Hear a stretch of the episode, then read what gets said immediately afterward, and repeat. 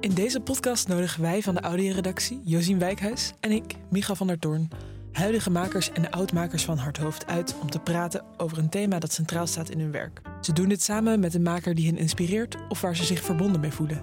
En stellen vragen over elkaars werk en maakproces.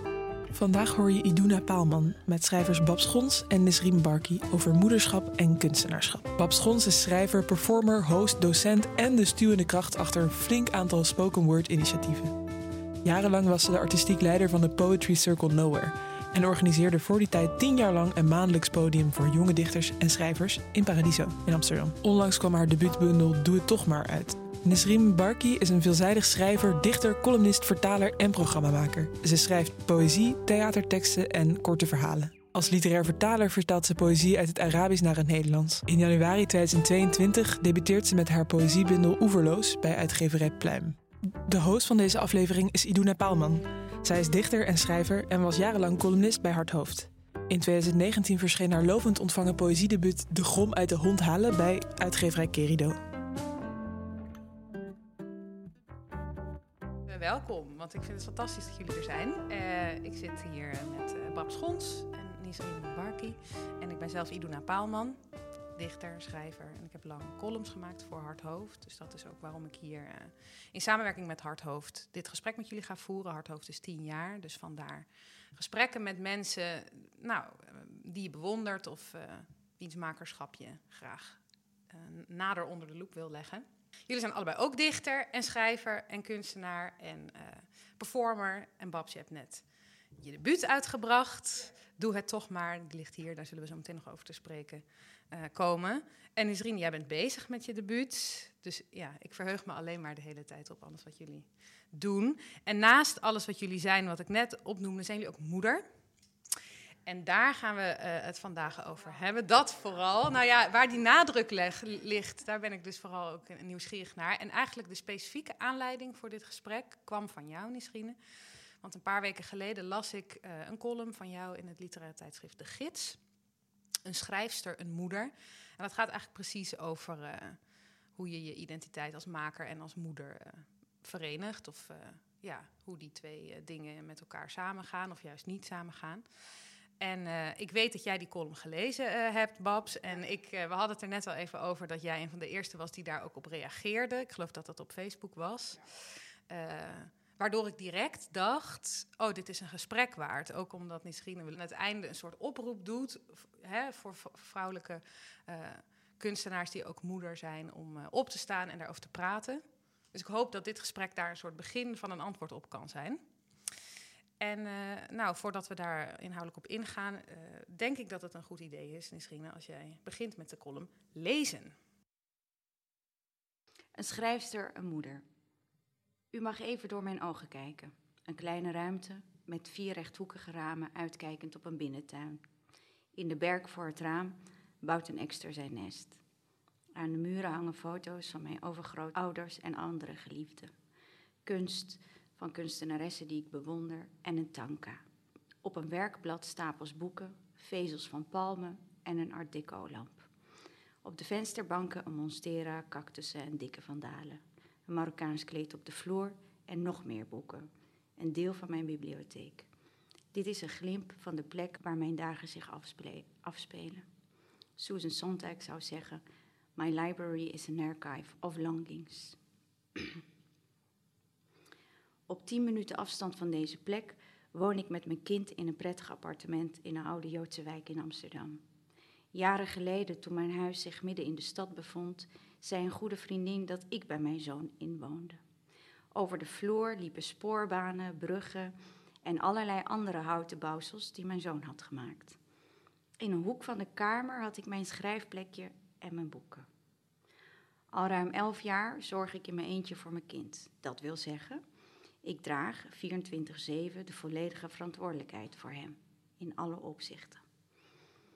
Al deze jaren heb ik ook fulltime gewerkt. Ik heb hem regelmatig meegenomen naar voordrachten, theaterzalen, repetities, lezingen, scholen en vergaderingen.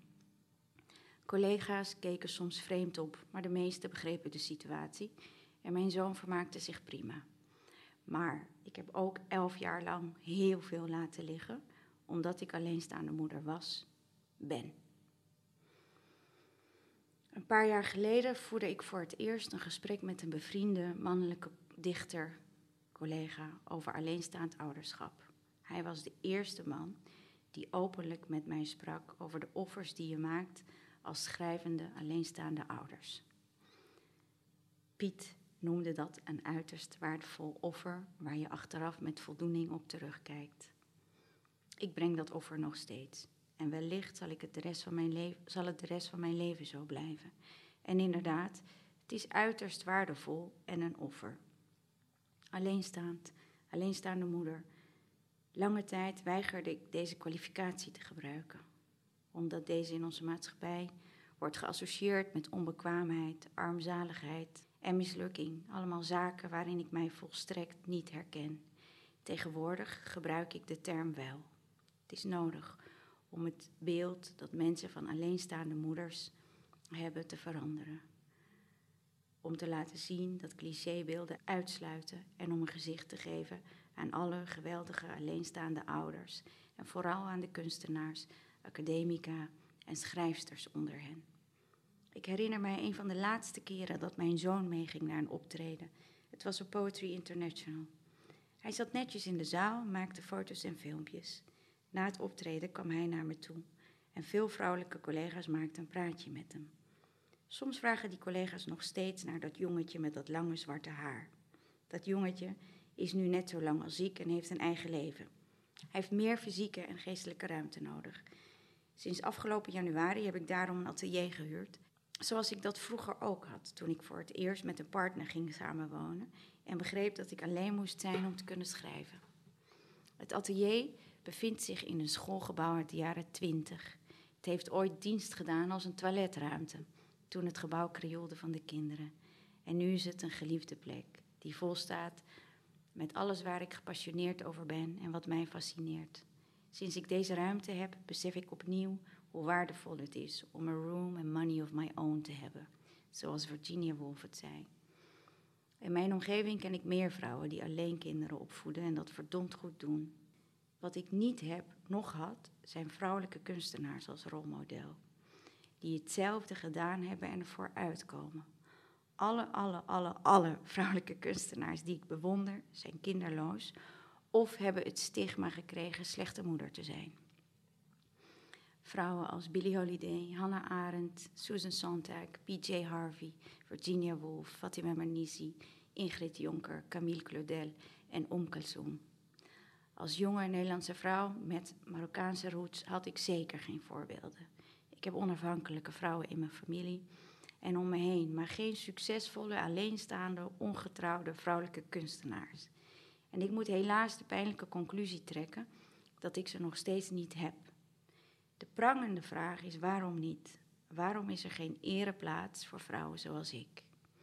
Blijkbaar heeft de wereld bedacht dat je geen goede moeder kunt zijn, geen goede alleenstaande moeder en tegelijkertijd een succesvol kunstenaar, omdat het nog steeds niet conform de heersende dominante mannelijke norm is.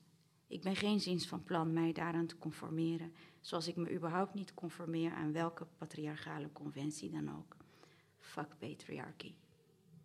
Anno 2021 heersen nog steeds misogene goden over de vele werelden waarin u en ik ons bevinden. Hoeveel beroemde kunstenaars of artiesten kent u? En hoeveel daarvan zijn vrouw? Zijn ze moeder? Alleenstaande moeder? I rest my case.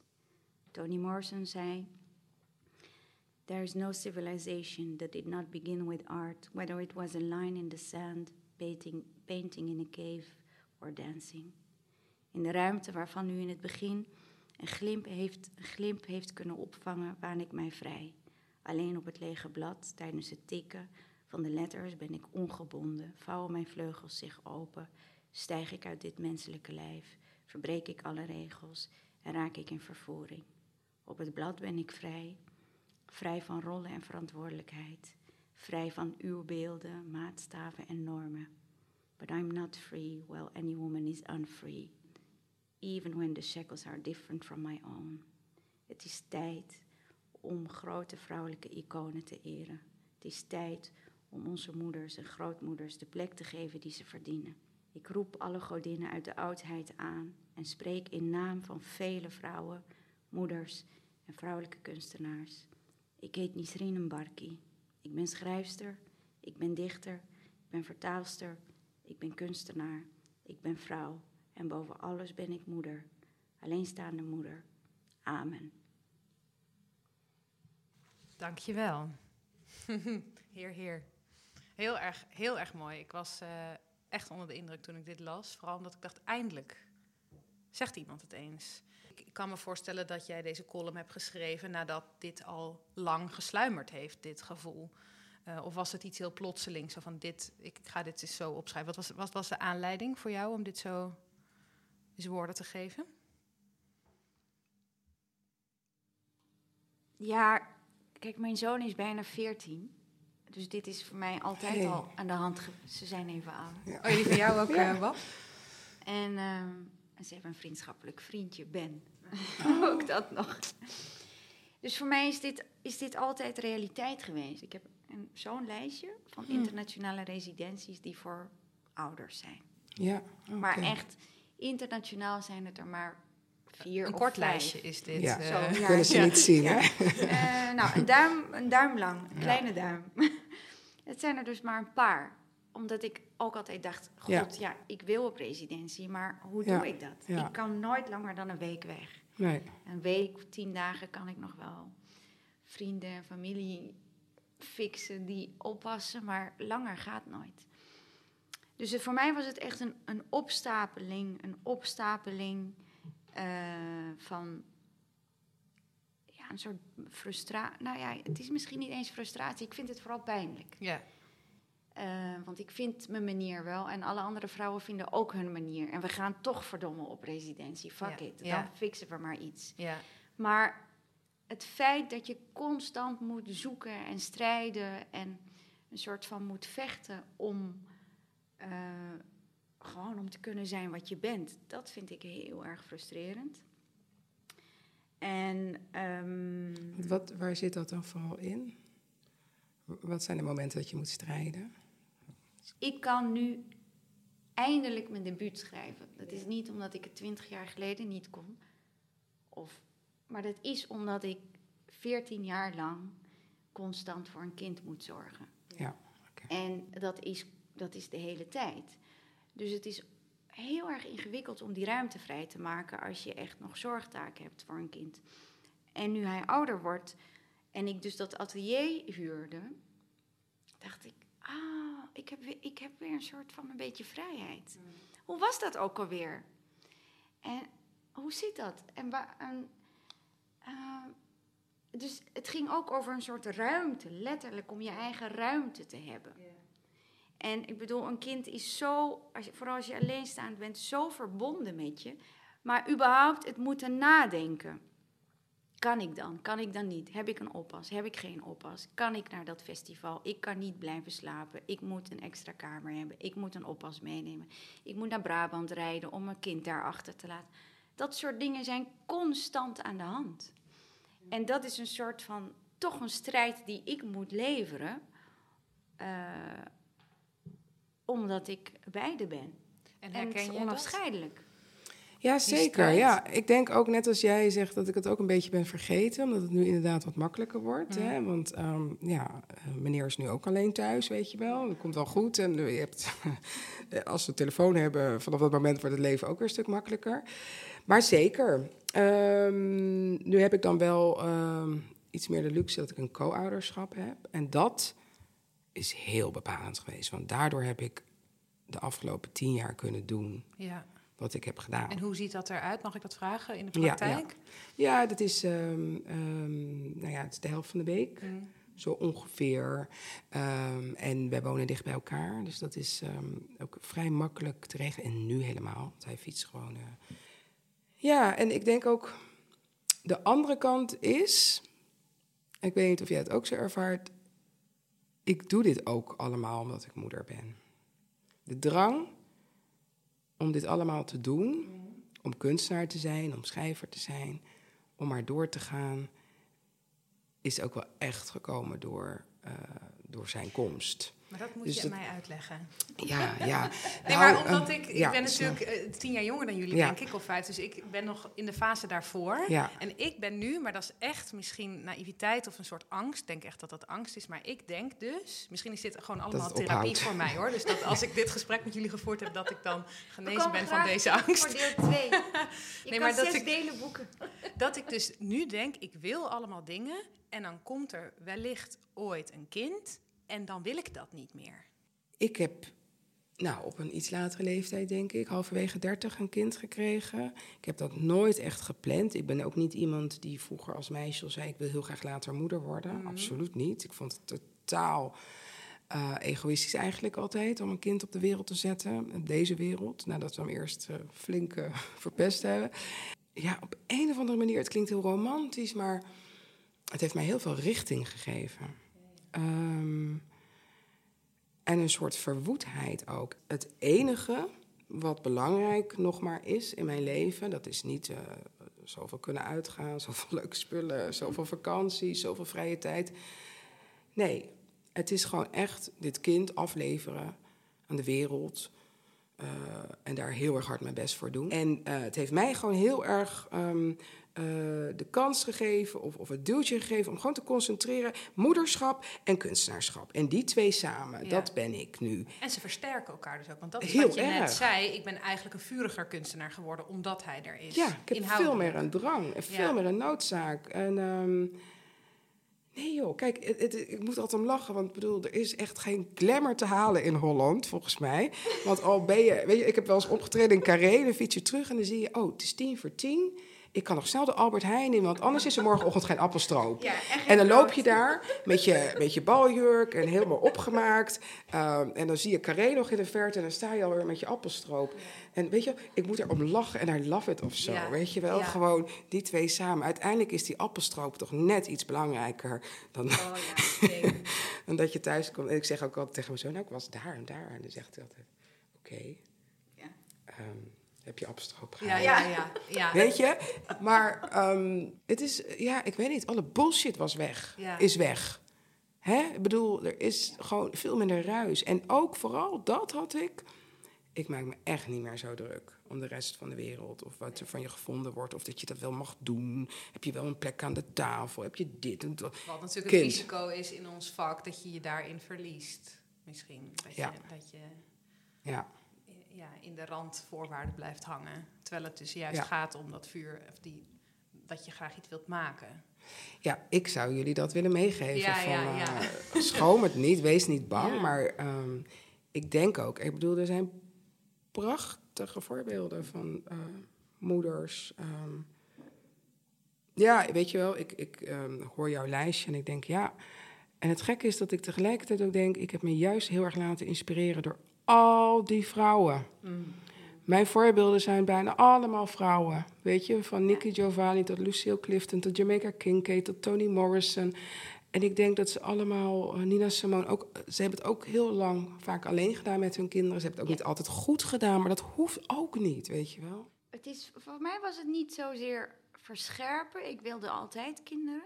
En eh, ik had eigenlijk een hele bubs gewild. Maar dat, dat ging anders dan ik hoopte.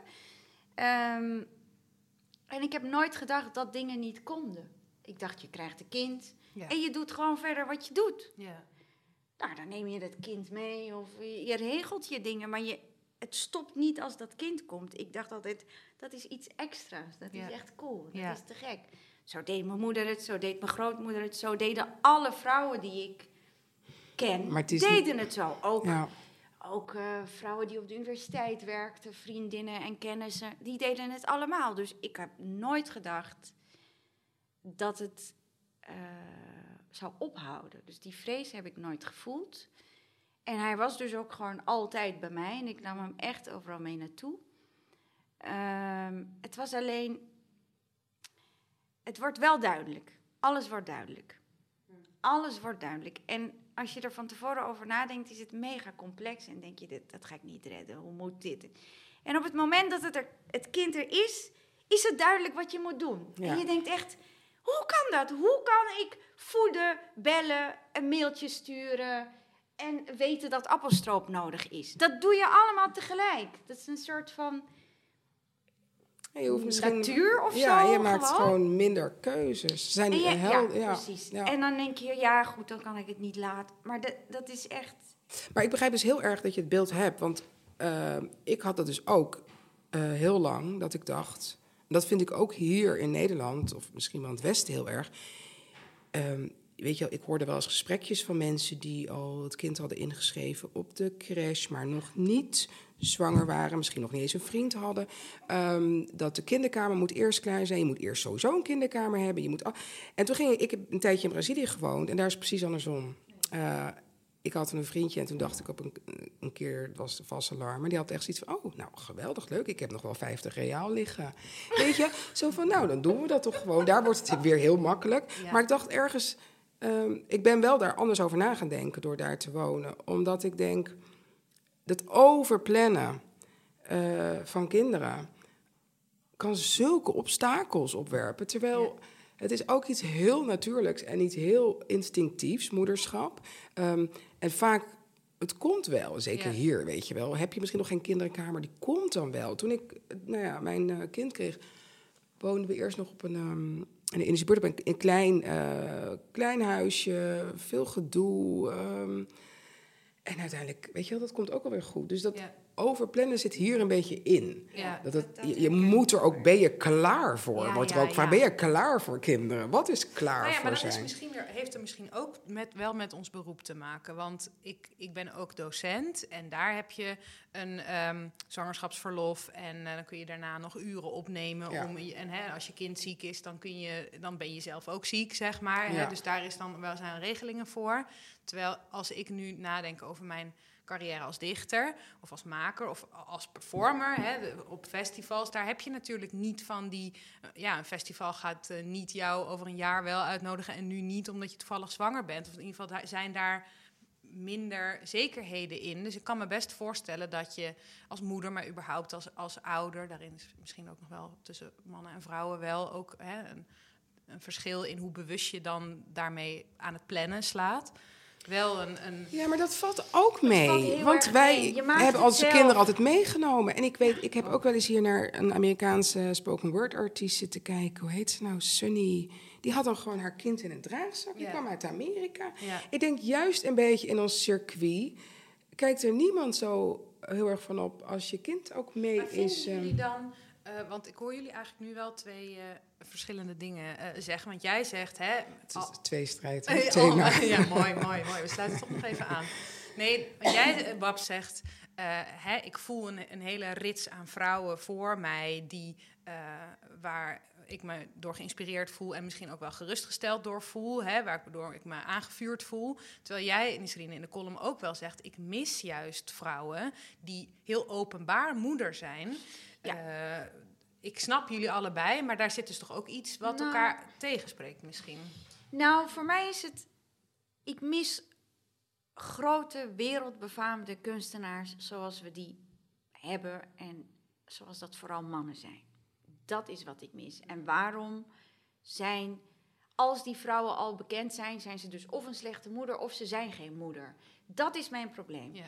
Maar om me heen had ik alleen maar wat Babs had. Ik had alleen maar vrouwen die alles deden met hun kinderen. Jullie zijn eigenlijk de uitzondering die er Nee, want eigenlijk heb ik het andersom. Ik heb niet heel erg. Jij hebt persoonlijk in je leven, wat je zei, Ik hè? heb Moeders en dus de- ik heb een ja, moeder dat had die ik dan weer niet. wat Maar ze ik wilde. keek, Ik ja. heb een oma die alles deed wat ze wilde. Ik heb tantes die altijd alles deden wat ze wilden. Ja, En ze hebben allemaal minimaal drie kinderen. Ja. Tussen de drie en de tien. ja. En ik dacht, wat? Mijn oma heeft tien kinderen. Die heeft de hele wereld overgereisd. Die is analfabeet.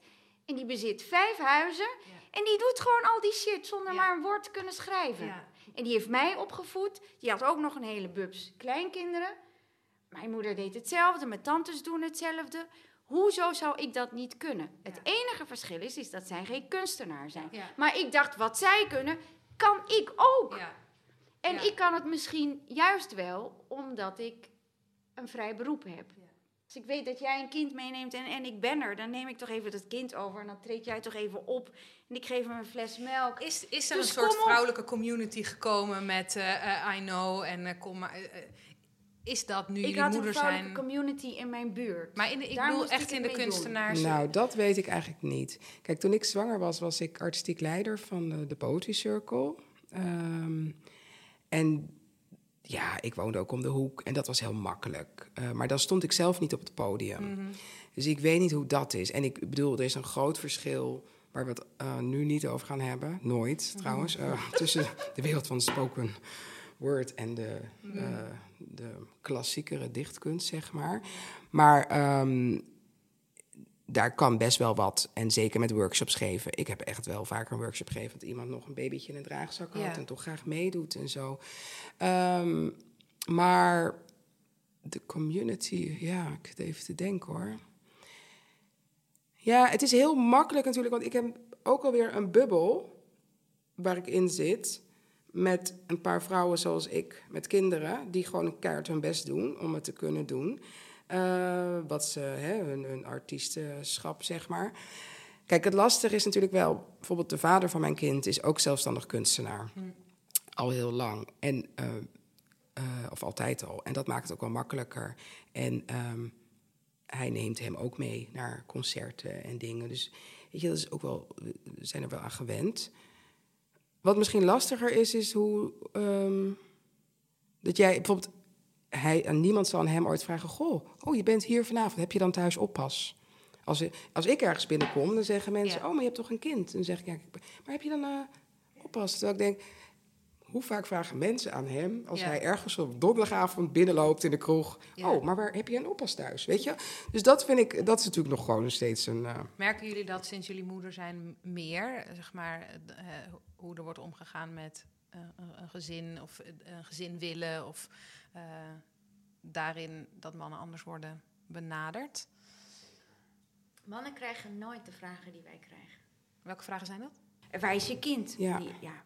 Hoezo, waar is mijn kind? Van heel veel mannelijke collega's weet je vaak niet eens of ze een Wat kind doen jullie hebben. dan? Wat, ze- wat zeggen jullie dan?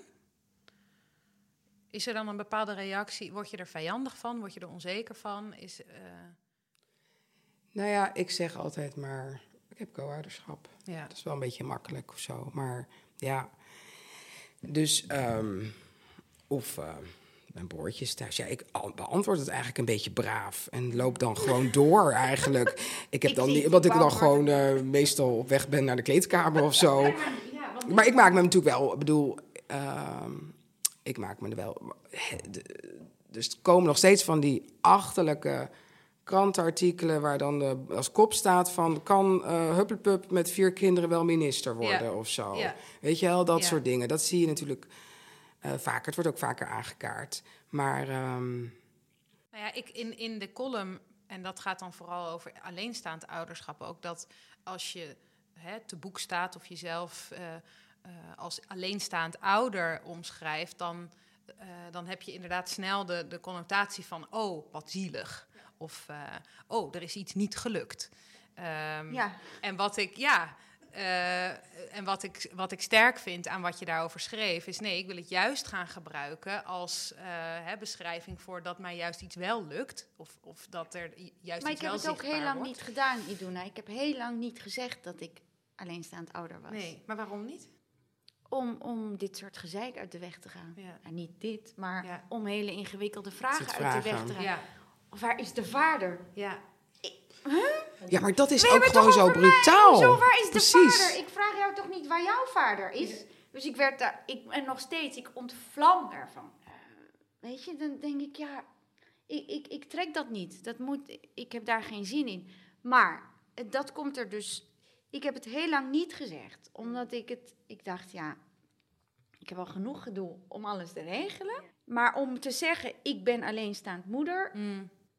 Nee, ja, dat zeg dat- ik ook nooit. zeg Ik zeg je alleen, gewoon niet. ik heb een zoon, Ik zeg heb- ik. Ja, Ja. Maar toch vind ik, ben ik nu, gebruik ik dat woord. Ik zeg natuurlijk niet, hallo, ik ben alleenstaande moeder. Nee, ik ben gewoon Nisrien. Ja, Ja. ja. en ik heb een zoon. ja. Dus als mensen daarna vragen, ja, ik heb een zoon. Toch dacht ik, ja, maar dat is zo naar dat wij bij het woord alleenstaand zulke vervelende dingen denken. Mm. Hoeveel vrouwen kiezen ervoor om alleenstaande moeder te zijn? Het is ook een Het is heel toch raar woord. Maar waarom Waar kleven sta je zoveel, alleen? zoveel shit uit dat woord? Ja, Je bent gewoon moeder. ja. Samen met een partner Of heb niet? je een kind, of niet. En Ja. daar kies je super, super bewust voor. Ja, ja. Als moeder. Ja. Alleenstaand, it doesn't cut it, weet je wel. Het is gewoon, Misschien moet er een ander woord komen. Ja, Ja. bij deze de oproep ja. voor de Wat is het? luisteraars. Eh, Single man. Maar ik, jullie laten mij nu wel met een vraag achter. Ja, kom op. Want ehm, ik snap heel goed dat je precies deze details... Hè, heb je een oppas, waar is je kind, waar is je vriend... waar is de vader van, van het kind, hoe heb je dat gedaan, co-ouderschap... hoe zit dat dan, waarom kun jij hier zijn en niet eh, iemand anders, zeg maar zo... dat je daar verre van wil blijven. En tegelijkertijd hoor ik ook een soort oproep om juist die eh, kanten in het literaire leven te krijgen. Dus om wel te zeggen, hoi, ik ben Isrien en ik ben alleenstaand moeder. En om dat ook wellicht inhoudelijk in je werk te verwerken. Hè, dus dat dat ook niet alleen vervlecht met hoe je praktisch je leven organiseert, maar ook waar, waarover je schrijft. En ik ben wel benieuwd hoe dat dan zich tot elkaar verhoudt. Dat je aan de ene kant gewoon de kunstenaar bent als je ergens bent. Eh, hè, want dat kind dat is dan thuis. En tegelijkertijd, als jij zegt, Babs, eh, mijn kunstenaarschap wordt juist aangevuurd door het feit dat die jongen thuis zit. Ehm, ja, hoe dat samenwerkt, of dat ook schrijven jullie over je moederschap? Kom je Ja. ergens binnen met die boodschap? Ehm, ik schrijf denk ik best vaak over moederschap. Eh, maar ik schrijf dan vooral over het soort ja, dilemma of de balans zoeken tussen een, ehm, ehm, je kind eh, ehm, ja, in een hele mooie wereld houden en tegelijkertijd voorbereiden voor de wereld die vrij breed is. Dat is altijd een beetje het ding. Ik vind dat een heel groot contrast en ik vind dat ook heel erg, ik vind dat heel erg een taak, weet je wel. Ik ga hem niet elke dag alle narigheden eh, heden van het nieuws voorlezen. Maar moet wel weten wat er gebeurt aan de overkant van de straat of weet ik wel. En dat vind ik, dat overstijgt misschien wel mijn, ehm, mijn enkele moeder, mijn enkelvoudige moederschap of zo. Ik vind dat ook een maatschappelijk ding. Ja. Ehm, en in die zin denk ik. Kijk, het feit dat het moederschap eigenlijk, net als het vrouw zijn, nog zo vaak een beetje wordt verwacht dat we de achter gesloten deuren doen. Achter gesloten deuren baren we, achter gesloten deuren bloeden we, achter gesloten deuren hebben we de overgang. En, en weet je wel, alles wordt een beetje een soort. ehm, als een vrouw al, weet je vrouwen lekken en, en hebben vaginale schimmel waar we mee dood worden gegooid bij het nieuws, weet je wel. Ehm, vrouwen van alle kanten komen er dingen uit, die moeten opgelapt worden. En als zijn ze opgelapt, dan zijn ze weer te vochtig. En worden ze ouder, dan zijn ze weer te droog. Ehm, en dit is, ik probeer dus echt, ik kijk met mijn zoon mee door zijn ogen naar al die reclames, naar al die dingen. En eh, nou ja, dat met die vaginale schimmel, dat zit me echt ontzettend dwars. Omdat ik gewoon denk, weet je, de eerste keer dat mijn zoon dat zag van... Die dacht aan de potje jam in de ijskast dat er te lang stond. Of de kaas die blauw uitzag. En toen dacht ik, dat zit dus ook in vrouwen. Help, hoe kan dat? En, nou ja, ehm, en niet elke vrouw is rechthoekig. Dus ehm, zoveel vrouwen. Maar we hebben maar zes soorten maand. Nou, weet je, het houdt niet op. En dan denk ik van, ik vind dit zo pijnlijk hoe we dit allemaal een beetje zo achter die gesloten deuren moeten doen. Dat eigenlijk zitten daar nog de meeste taboes. Terwijl ik gewoon denk, het is voortplanting der mensheid. Hoe anders moeten we het formuleren? Weet je wel, ehm, we moeten, het moet allemaal, dat al dat bloederige, dat moet dan, en maar dan als ze helemaal schoon en gewassen zijn en het gewoon mooie mensen zijn, dan, oh, dan is er opeens, oh, leuk, ja, nou, we nemen je aan in deze baan, we nemen je aan op deze school, maar de rest willen we allemaal niet. En dat zit me gewoon dwars. En ik denk ook gewoon dat ik daardoor het moederschap zie, gewoon als iets, ehm, iets groots van deze maatschappij. Dat we, het is een maatschappelijke taak. En dat, eh, ik denk dat ik daar gewoon wel vaak over schrijf. Ehm, Is dat voor jou ook misschien zo? Dat het, dat het eh, de, de, overtuigingen die je bijvoorbeeld in deze column beschrijft, of wat, wat Bab zegt, hè, de dingen waar je aan ergert, die ook eh, die je als vrouw een, een man opvoedend misschien ook extra bewust maakt van eh, eh, hè, de, de onderdrukking of de, de wegpoetserij van de dingen. Zijn dat dingen die ook in jouw teksten terugkomen of onbewust jou, jouw kunstenaarschap beïnvloeden? Kijk, ik zou bijna zeggen, Iduna, zou je deze vraag aan een man stellen. Mhm. Heel goede vraag. Dat is precies het probleem. ik ben een mens, ben een vrouw en ik heb een kind. Mhm. Uiteraard schrijf ik schrijf over wat ik als mens meemaak. Een kind is onderdeel van mijn leven. Dus hij, tuurlijk, hij komt, hij komt terug in mijn poëzie, maar ik schrijf niet zozeer over eh, dit soort dingen waar, waar Babs het nu over heeft, maar wel over ehm, meer over generaties bijvoorbeeld. Dus Mhm. mijn eh, grootouders, overgrootouders, mijn ouders, ik, mijn zoon. Dus ik zie hem heel erg in een soort eh, lineage van, oké, hij is de volgende generatie en ik Mhm. voed hem alleen op. Mhm. Daar, daar denk ik over de hele tijd. Hoe voed je bijvoorbeeld een kind op zonder vader? Ja. Hoe zorg je dat een kind een, een werkelijk beeld heeft van wat een vader is? ja, precies. Voor alle duidelijkheid, mijn zoon heeft een vader, alleen voedt de vader hem niet op. Ja. Hoe zorg ik ervoor dat al die shit die Babs noemt, niet in de geest van mijn zoon komt? Ja. Nou, televisie de deur uit, of nooit de televisie nemen. Dus we hebben nooit de televisie gehad. Maar dan ging hij naar vriendjes. en dan zag hij dingen en dan kwam hij terug. Ja, wat is dat? Of Ja. zo, weet Ja. je wel? Ja. dat, dat houdt me wel bezig, maar dat ik erover schrijf, niet op die manier. Kijk, ik denk schrijver zijn, artiest zijn, kunstenaar zijn, betekent op een bepaalde manier naar de wereld te kijken en de wereld te bevragen constant. Niks, niks weet je wel, zomaar aan te nemen. En dat, dat, daar helpt een kind enorm bij. Want niks is gewoon, alles is nieuw. Alles weet je, mijn zoon zei van de week, en dat vond ik eigenlijk heel leuk, zit hij op zo, zit hij, maar waar zijn eigenlijk de plus-size, de mannelijke plus-size modellen? Hm. En denk ik, ja, die vraag heb ik mezelf nog nooit gesteld. Maar ik ken geen één plus-size mannelijk. Dat vind ik dan weer zo. Weet je wel, dan word je weer even gedwongen om te denken Ja. van... hé, hey, Ja. weet je wel, eh, equality, Ja. plus-size modellen. Maar waarom geen plus-size man-modellen? Is dat dan, oh, weet je, gewoon maar even zo'n simpel ding. Of, eh, nou ja, gewoon al die waarom-vragen, waardoor je denkt, hé, hey, ja... Ehm, nou ja, we hebben ook geen televisie, maar we kijken wel eens dingen op de laptop. En dan komt er iets langs en is een spelshow. En dan staan de vrouwen in de badpak en dan zegt hij... "Tss, Ja. Hoezo moeten die vrouwen daar in de badpak staan? Je, dan is die acht jaar, verontwaardigd. Snappen zij niet dat schoonheid van binnen zit, zegt hij dan. En dan denk ik, Kijk, dit is goede opvoeding, denk Ja. ik dan. ja, maar goed, je, dat opvoeden is echt twee kanten op, hè? Ja, dat is vooral echt voor mij twee kanten ook op. Vooral dat hij mij ook opvoedt. Ja? Ja, je komt niet weg. Maar ik weet, mijn zoon was vier en ik probeerde hem dus te overtuigen om iets te doen. eh, wat eh, niet werkt voor hem. Maar toch probeerde ik het. Mhm. Toen zei hij, Nisrien, ik heb mijn eigen denken. Hm.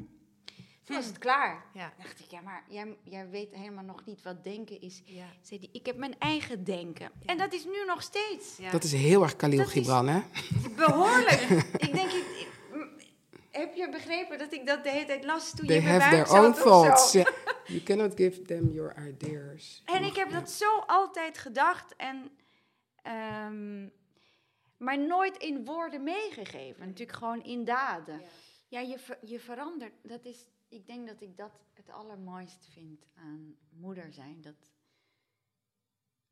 ja, dat is een soort beweging. Hm. Dus op het moment dat je, dat je kind baby is, ja, dat is gewoon, dat hoort bij jou. Het hoort eigenlijk bij jouw lichaam. Niet Mm. eens bij jou, maar dat hoort bij jouw lijf. Hm. Dus dat lijf weet precies wat het moet doen om, om dat kind in ieder geval zo ver te krijgen dat hij gaat lopen. En vanaf dat moment is de volgende stap. En dus dat moederschap verandert ook de hele tijd naarmate je kind verandert. Mhm.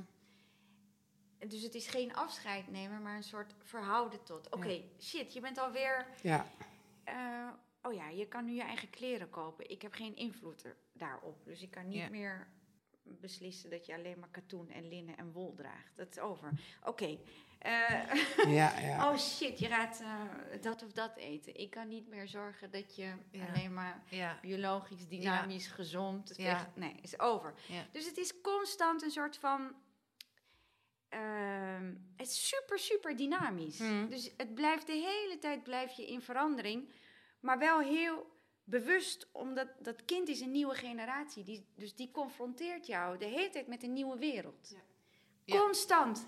Het is groei daardoor, denk En ik dat ook is gewoon. precies. Daardoor Want is het dat is, ik vind dat mijn groei ook gewoon, om dat mee, eh, om daar ook ja, bij te zijn, weet je wel. Ja.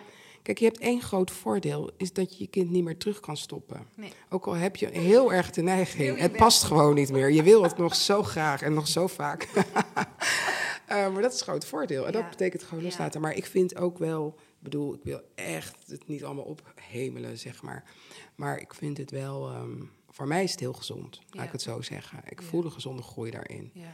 En dat is een, eh, hoe noem je dat, voordelig, een benefit Ja. ehm, als artiest, denk Ja. ik. En ook gewoon, ik bedoel, dit is, dat weten we ook allemaal, het is een very sensitive vak. Het is heel gevoelig. Ja. Mensen vinden, recenseren, bespreken, maken of breken je of denken dat ze dat... En ehm, dan vind ik het echt wel heel fijn om een soort, ja, ik weet niet, wat is het, een, een, een moederlaagje te hebben. En Ja. denken van, nou, Ja. ja, weet je wel, doe maar maar je best. Maar Ja. het is niet zo... Het rela- relativeert. Vind je dat niet? Misschien het relativeert enorm. De hele Ja. literaire wereld. Denk je, wat heb, heb ik me daar echt zoveel zorgen om gemaakt ooit? Of heb ik daarbij willen horen? En uiteindelijk dus, denk ik, een betere kunstenaar.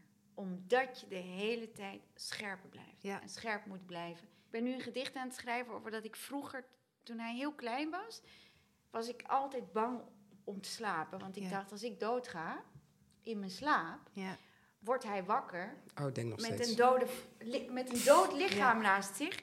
En wat moet een driejarig kind doen? Dus ik had hem alles uitgelegd. Wat hij moest doen, welke stappen hij moest ondernemen. Totaal bizar natuurlijk. Maar Dat is, vind ik, echt iets van alleenstaande ouder. dat doen alleen Dat- alleen ja, want dat- Omdat je weet, ik er ben is de niemand enige. anders dan. Ja. Ik ben, ja, mijn broer is er, die is er altijd. Ja. Maar die is er niet op het moment dat ik dood ben. Nee. Hij is er wel. Wij Dus sterven hij- heel vaak s'nachts. ik, ben wel, ik ben duizend keer gestorven. Ja. In mijn slaap. En nog steeds denk ik, oh, wat als ik morgen dood ben. Maar nu zie ik hem, denk ik, oh, maar hij is best groot. Hij kan al alleen thuis slapen. Ik denk Ik zo vaak, so far so good. Weer een dag, check. Ik wou net zeggen, dit gesprek laat mij heen en weer slingeren tussen totale eh, eh, eh, verontrusting en grote hoopvolle... Maar dat is dus Maar dat- ik je heb dat- verantwoordelijk bent voor Ja. een, Ja. een mensenleven. Nee, want jij zei, Nisrine, in je column nog... Hè, omdat we nu telkens bezig zijn met de toekomst... Hè, want je kind is de toekomst en doet je heel erg eh, mindful in de wereld nu staan. Terwijl jij ook zei, hè, even in het kader van... Hoe, hoe maken we nou een ereplaats voor schrijvers als moeders of eh, als ouders? Jij schreef... Het is tijd om onze moeders en grootmoeders de plek te geven die ze, die ze verdienen. Dat, dat kunnen we doen in poëzie, denk ik. Of in, in, eh, en ik ben wel benieuwd hoe dan? Of eh, eh, wat wij kunnen doen om, om ook ja, de mensen die voor ons kwamen nog de, de, de kracht Ja. te geven die ze. Het is ook wel een beetje dubbel. Eh, want wat jij net zei, Nisrine, is dat je eigenlijk zei dat je... het, het gaat gewoon om een gebrek aan vrouwelijke kunstenaars, rolmodellen. ja, En dat is natuurlijk gewoon, ongeacht het moederschap... Hè, eh, er is natuurlijk nu een soort, nou ja, hele kleine inhaalslag... met het quotum hè, in musea. Ehm, en dat is denk ik ook eh, ontzettend belangrijk. Want ik bedoel, ehm, ik heb dan wel een paar vrouwelijke voorbeeldschrijvers. Maar ik weet ook dat er heel veel mensen omheen zijn die dat helemaal niet hebben. En nu, weet je, breekt het een beetje open. Maar dat is denk ik één ding ehm, wat heel belangrijk is.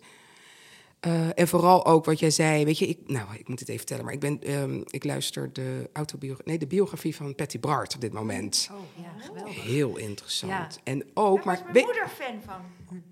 Oh, nou, nou, die is net uit. En, maar elke keer als ik een biografie luister van een vrouw of lees, dan ben ik toch weer geraakt door het feit. Bijvoorbeeld Winnie Mandela is ook zo iemand. Dat we ons zo hebben mee eh, laten trekken door eh, de negatieve eh, aandacht die ze hebben gekregen. Hoe ze in een verdomhoekjes zijn geplaatst. Hoe het slechte vrouwen zijn geworden. Dat staat ook in jouw column. Weet je, hoe het slechte moeders worden gezien. Ehm, en dat heeft altijd weer wat weggetrokken van hun, hun kunstenaarschap. Ja. Weet je wel, Ingrid Jonker is slecht, want die is de zee ingelopen, heeft haar kinderen achtergelaten. Maar er wordt zo weinig aan het verhaal daarachter. Ja. Hoe, weet je, in die dominante mannenwereld, je staande houden, Billie Holiday, ehm, Nina Simone was natuurlijk ook, weet je wel, die werd helemaal krankzinnig genoemd Maar ehm, vergeten wat de wereld doet. En ook al die, als ik nu Patty Bart luister, dan denk ik, jeetje, al die mannen die ondertussen haar leeggezogen hebben, haar geld hebben verkwist. Zij was echt een goudmijn. Zij is een goudmijn. Ze kan nog steeds veel verdienen, maar al die mannen zijn ermee aan de haal gegaan. En dat heeft ook mij zo beïnvloed. Want kijk, ik ben niet van de Luf en de Dolly Dots en nooit geweest en zo. Uh, maar het is ook zo denigerend altijd besproken of de geschiedenis ingegaan. En dus dat is gewoon echt een probleem. Ik heb laatst die voorstelling van, uh, over Winnie gezien, Winnie Mandela. En dat ik me nu ook pas uh, artikelen las over hoe zij afgeschilderd is ja. door het hele apartheidssysteem. Zij bleef achter. Terwijl Nelson Mandela naar de gevangenis ging. Zij heeft alles opgevangen. Die hele organisatie, die hele ANC. En ze hebben er alles aan gedaan om haar gewoon heel lelijk neer te zetten. En het is ze gelukt ook. En we zijn ook allemaal meegegaan. We zijn ook allemaal schuldig daaraan, vind ik. Weet je wel? Om dat heel makkelijk gewoon te zien. En zeker afgeschilderd worden als slechte moeder, slechte vrouwen en zo. Er zijn ook kunstenaars die hebben, um, vrouwelijke kunstenaars die hun kinderen hebben moeten achterlaten om te mogen doen wat ze kunnen doen. Of te kunnen doen wat ze mogen. Nou, um, en dat Um, dat is één ding, denk ik. Um, en het is een beetje moeilijk, want dat vind ik dus. Zijn wij dan um, alleenstaande moederkunstenaars? Zijn wij moederkunstenaars? Zijn wij gewoon geweldige vrouwelijke kunstenaars? Weet je wel, waar leg je de nadruk op? Je wil ook niet. Ik wil niet ergens binnenlopen. Kijk, je hebt, ik heb sowieso niks te zeggen over hoe, hoe je daar podium staat. Want de een komt binnen en die denkt, oh, daar staat een zwarte vrouw. De ander denkt, uh, mijn zoon denkt, oh, dat is mijn moeder. Mijn broer denkt, oh, dat is mijn zus, weet je wel. Een... Uh, een geile man denkt meteen misschien lekker wijf, weet je wel. Je, je, hebt er helemaal niks over te zeggen. Maar um, um, nou ja, hier mogen we dan dat wel zelf bepalen hoe we dat willen. Maar ik vind het ook een beetje uh, lastig in die zin. Want je wil je er gewoon allemaal van ontdoen natuurlijk. En ja. iemand gewoon zien voor wie die is. Maar ja, oké. Okay, het gaat er natuurlijk ook een beetje om dat wij ons hard maken nu. Of in ieder geval dat de vrouwelijke kunstenaar ook gewoon meer ruimte, meer, meer kind mee mag nemen naar een residentie. Nou ja, dat heeft meer, dus inderdaad uh, ook een praktische nou ja, dat is het. Waar heb je toegang toe? En dat wordt je dus een beetje afgesneden op het moment dat je een soort van handicap hebt, omdat er een kind bij je uh, zit. Ja. Uh, voor mij is het vooral. Ik schrijf veel over mijn moeder en mijn oma. Mm-hmm. Dus dat is de, wat mij betreft. Uh, op, ik eerst op die manier. Mm-hmm. Mijn grootmoeder, andere vrouwen in mijn omgeving. Dus dat is wel echt een bewuste stap die ik maak. Mhm. Bijvoorbeeld door zo'n column of door gedichten of wat dan ook. Mhm. Ik vertel daar altijd over en als het even kan, neem ik vrouwen als voorbeeld. Dus ik denk dat dat iets, iets is wat heel praktisch is, wat ik kan doen. Kijk, door erover te vertellen, of door door jou uitgenodigd te worden, door met andere vrouwen dit gesprek aan te gaan, ja. leer ik steeds weer van, oh ja, wacht even, maar een vrouw die tien jaar jonger is dan ik, die is op dat punt en die denkt er zo over. Maar ook zij is nu al fucking gevormd door die wereld, doordat ze denkt dat. Ah, oké, dus ik ben nu op dit punt. Ah, vriendinnen die ouder zijn en volwassen kinderen hebben, zijn daar. En dat is voor mij mega, mega leerzaam, omdat, omdat dit soort gesprekken hebben nooit in de openbaarheid plaatsgevonden. Die vonden altijd in het café of thuis, met de kinderen op schoot, wat dan ook, plaats op het schoolplein of met vriendinnen. Maar nooit zo. En voor mij is dat ook een stap om, om te zeggen: ja, maar waarom wordt er nooit over mannelijke schrijver gezegd: God, wat was dat een slechte vader? Ja. Ja. Dus de hele tijd maar echt doen. vergelijken. Ja. Oké, okay, als je een lijst. Ingrid Jonker was een slechte moeder, waarom zeg je dan niet over een andere schrijver dat was een slechte vader omdat hij zelfmoord pleegde? Ja. Dat is toch. Het zijn ook allerlei, allerlei um, kenmerken of toestanden die wel op een vrouwelijke kunstenaar of schrijver geplakt worden, maar niet op een mannelijke kunstenaar. Als mannelijke kunstenaar weet ik veel wat. Uh, monomaan is van zijn werk, is hij gepassioneerd. Ja. Maar niemand vraagt zich toch Maar als een vrouw dat is, dan is ze gek. Ja, maar dat is sowieso een probleem. was gek, maar Rodin... Maar zij maakte zijn fucking werk. Ja. Weet je, en dat ook weer gewoon rechtzetten. Want nee, zo was het niet. We vertellen het verhaal opnieuw. Zo was het. Ook Betty Bart. Ja, natuurlijk. Ik denk, bizar dat we daar nooit bij stil hebben gestaan. Dat die vrouw in de jaren tachtig als een van de allereerste gekleurde vrouwen. Tuurlijk moet zij van alle kanten misbruikt zijn. Oké, Vreselijk ja. misbruik. gooi het ja. in de wereld. Ja. Ja, in, in navolging van wat jij net zegt, Nisrine, dat, dat dit het gesprek moet, moet worden. Of dat niet dat we nu per se moeten zeggen, hè, alle ouders zijn slecht omdat ze eh, te weinig aandacht hebben. Maar hè, dat dat eh, niet iets is van moeders alleen. Of dat, en ook dat het gesprek over, oh, hoe doe je het met een residentie, dat dat ook niet alleen een gesprek is wat onder moeders gevoerd wordt. eh, thuis bij een glas wijn. Of eh, hè, dat dat ook ingezonde brieven zijn of eh, klachten. Of, Ja. Nou ja, kijk, het, het is natuurlijk in de hele maatschappij is daar een inhaalslag nodig. Mm. Hè? Dus bijvoorbeeld het kritiek of het thema van de Women's March dit jaar was ook heel erg ehm, vanuit het, eh, deze feministische stroming. Maar we hebben één aspect nog niet goed bekeken, niet goed benaderd. Het moederschap. Ja. Dat was dit jaar Ja. het thema, weet je wel. Eh, we hebben in al die stromingen heel veel dingen aangekaart, maar het moederschap eigenlijk nooit. Ja. Dat kwam nu voor het eerst. Weet je, dit is, dit is gewoon 2021. Ja, precies. dus in die zin denk ik ook gewoon, ehm, er moet een hele grote shift in de hele maatschappij zijn, Ja. waarin het moederschap weggetrokken wordt ja, bij moeders. Bij de moeders, Dat is ja. het eigenlijk. ja, Want dat is natuurlijk gewoon ehm, Ja, of een andere, weer die of gesloten, een de, andere achter gesloten deuren. plek krijgt. Als je over het moederschap als, zeg maar, je hebt het kleine moederschap en je hebt het grotere en het nog grotere moederschap. Wat is dat dan, dat moederschap? Basically is dat het verantwoordelijk zijn, Mm, het zorg dragen voor elkaar, de maatschappij, eh, community. ja, Dus op die manier zou je ook over moederschap kunnen spreken. Waar, en de andere onderdeel daarvan maken. mm, Dus ik Ja. denk heel vaak aan mijn broertje, was ook een soort moeder eigenlijk voor, mijn, voor mijn zoon. Maar dat is wat ik net zei, met dat, dat is het. moederen we niet allemaal Precies, wat. Op het moment dat je ergens allemaal. Dus verzorgt... Als we dan dat moederschap groter maken. Dus ik denk liever Het moet geen veroordeling van, meer zijn. ja, dat dan is het nemen eigenlijk. we de anderen daarin op. Ja. Oké, alle mannen zijn ook moeders. ja, Tuurlijk. ja, Je baart niet, maar dat geeft niet. nee. Wat in essentie moederen we allemaal. Ja. Door voor elkaar te zorgen, te creëren, te scheppen. Dat is de kracht. Ja. Dus ja, Ja, maar het is, nu, andersom. het is nu vaak een veroordeling ook. Oh, ook oké. Dus, ja, balen. Je hebt een kind of zo, Ja. weet je wel. Nee, die residentie moet je echt daar zijn. Ja. Nee, dat is echt...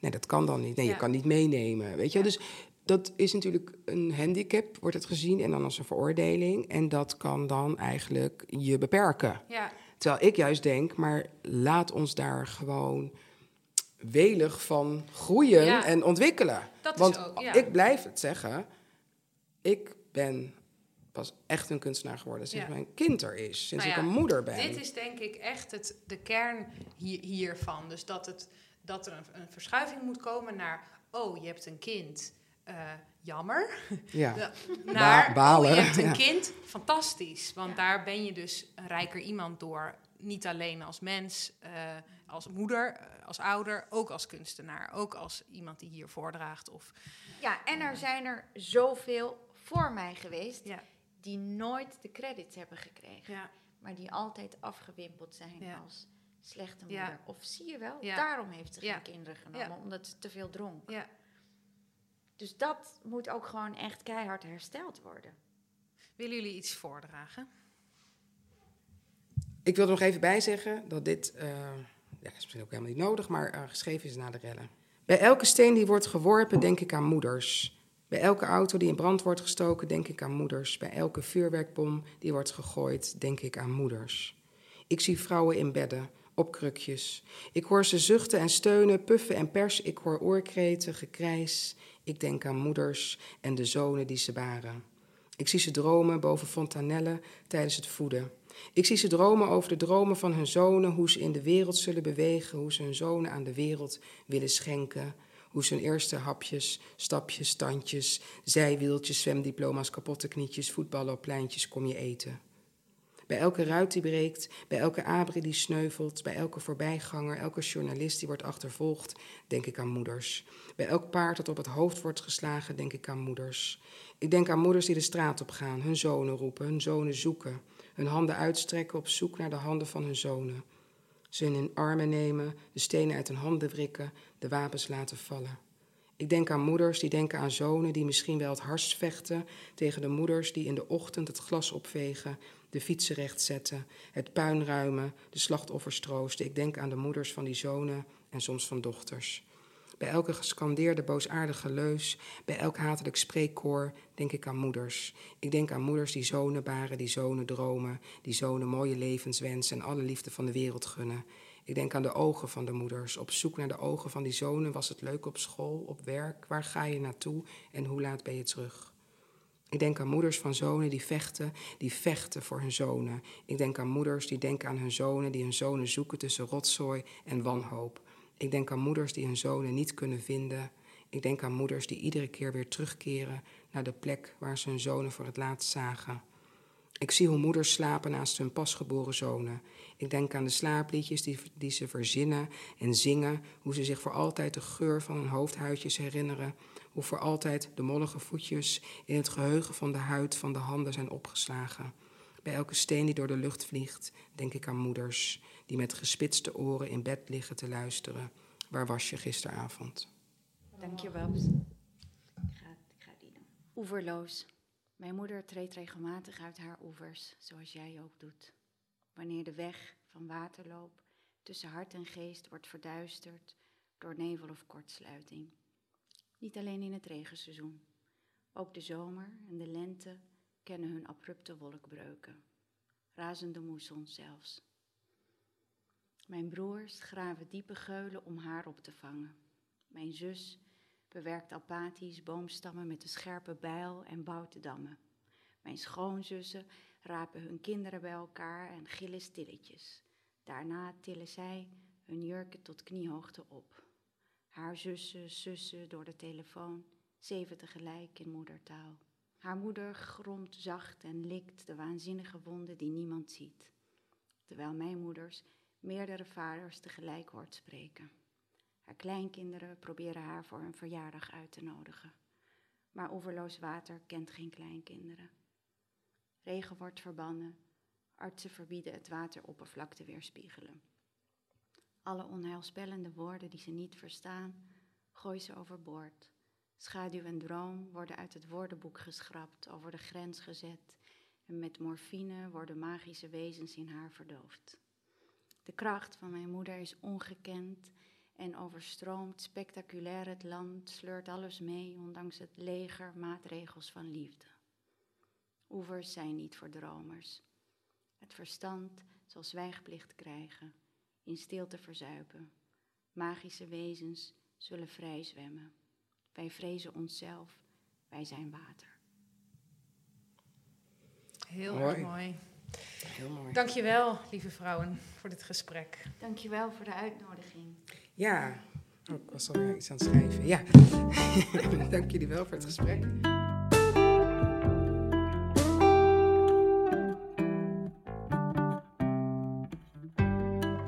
Dankjewel voor het luisteren naar Medemakers, een podcast van de audioredactie van Harthoofd.